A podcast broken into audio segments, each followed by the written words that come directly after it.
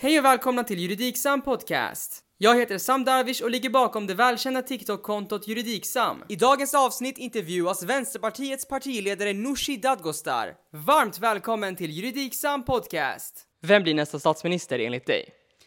Ja, om det inte blir jag så kommer vi och mina väljare att eh, hjälpa Magdalena Andersson att bli statsminister. Om er sida vinner, är det ett krav att sitta i regering? Ja, mina väljare är ju lika mycket värda som de andra partiernas väljare. Så därför är det rimligt att alla får sitta runt bordet och ja, men kompromissa och samarbeta med varandra. Det är så viktigt att vi har en trygg regering i nästa mandatperiod. Vad är din favoritfärg? Röd. Om du fick chansen att ändra en lag, vad hade du gjort? Eh, Då hade jag nog förbjudit vinster i välfärden. För det har skapat så stora problem med stora aktiebolag i skolan, i vården men också i äldreomsorgen.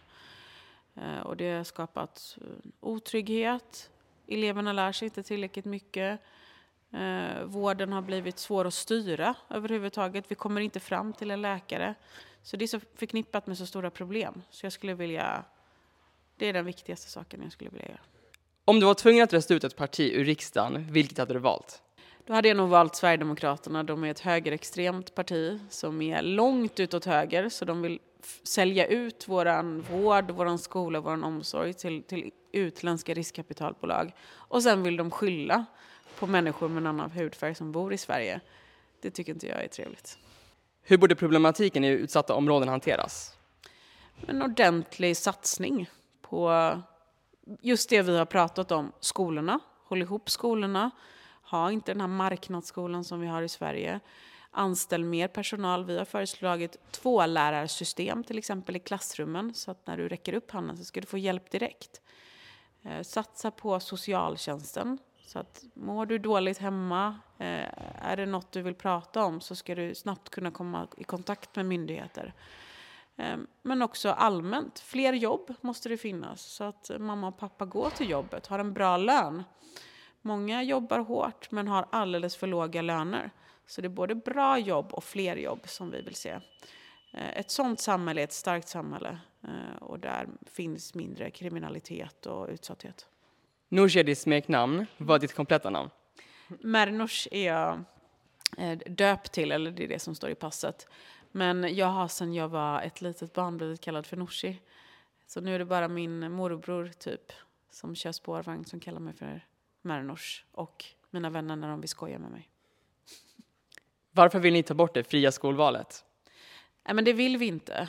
Eh, idag finns inte ett fritt skolval. Vi har ett köval. Eh, man, det finns både hemliga och officiella köer till olika skolor. Eh, för mig är det ett helt märkligt system. Utan alla måste ju kunna ha samma chans att komma in på olika skolor. Det vi vill ta bort det är att man tar ut pengar ifrån skolan. Det var till exempel en utdelning, som det heter. Alltså det försvann 185 miljoner kronor från svensk skola bara för några veckor sedan i ett skolföretag som heter Academedia. Det där hade vi kunnat anställa lärare för istället. Så vi vill ha stopp för att det försvinner pengar ur skolan. De ska vara kvar. Och sen ska det vara rättvist val. Idag har vi köval. Är Vänsterpartiet ett kommunistiskt parti? Nej, Många partier pratar om hårdare straff i Sverige. Vad tycker ni om det? Men har man begått ett brott så ska man ha ett hårt straff för det. Eh, idag är problemet att många brott klaras inte upp. Eh, ni vet i de här gängmiljöerna som skjuter varandra, där klaras över 70 procent av fallen inte upp. Det tycker jag är fel faktiskt. Vi måste veta vad som har hänt och det måste bli konsekvenser om man har begått ett brott. Och sen, för att stoppa hela kriminaliteten så måste många fler jobba Eh, förstärka svensk välfärd, skolan, socialtjänsten. Vi måste se till att unga killar har en annan framtid eh, att gå till än att gå in i kriminalitet. Och få bort hela narkotikabranschen. Det är vi väldigt fokuserade på.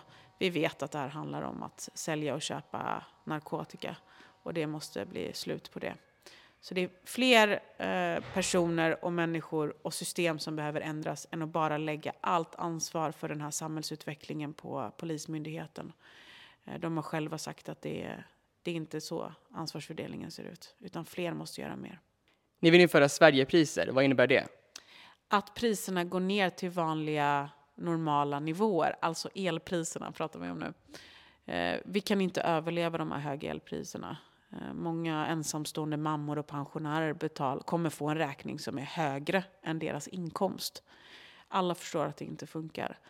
Och eftersom vi är ett land som producerar så mycket billig el så vill vi till att börja med att vi tillgodoser vårt eget behov och sen ska vi eh, exportera överskottet. Då får vi inte in de här väldigt höga priserna de har i Tyskland och Polen. Så genom att separera det så gör man det vi kallar för Sverigepriser.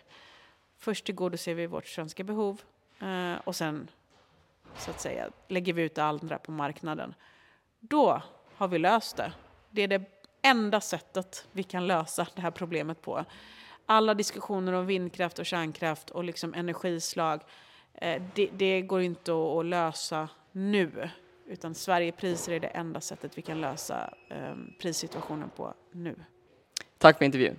Tack så jättemycket. Tack för att du lyssnade och följ Juridiksam för att inte missa nästa avsnitt.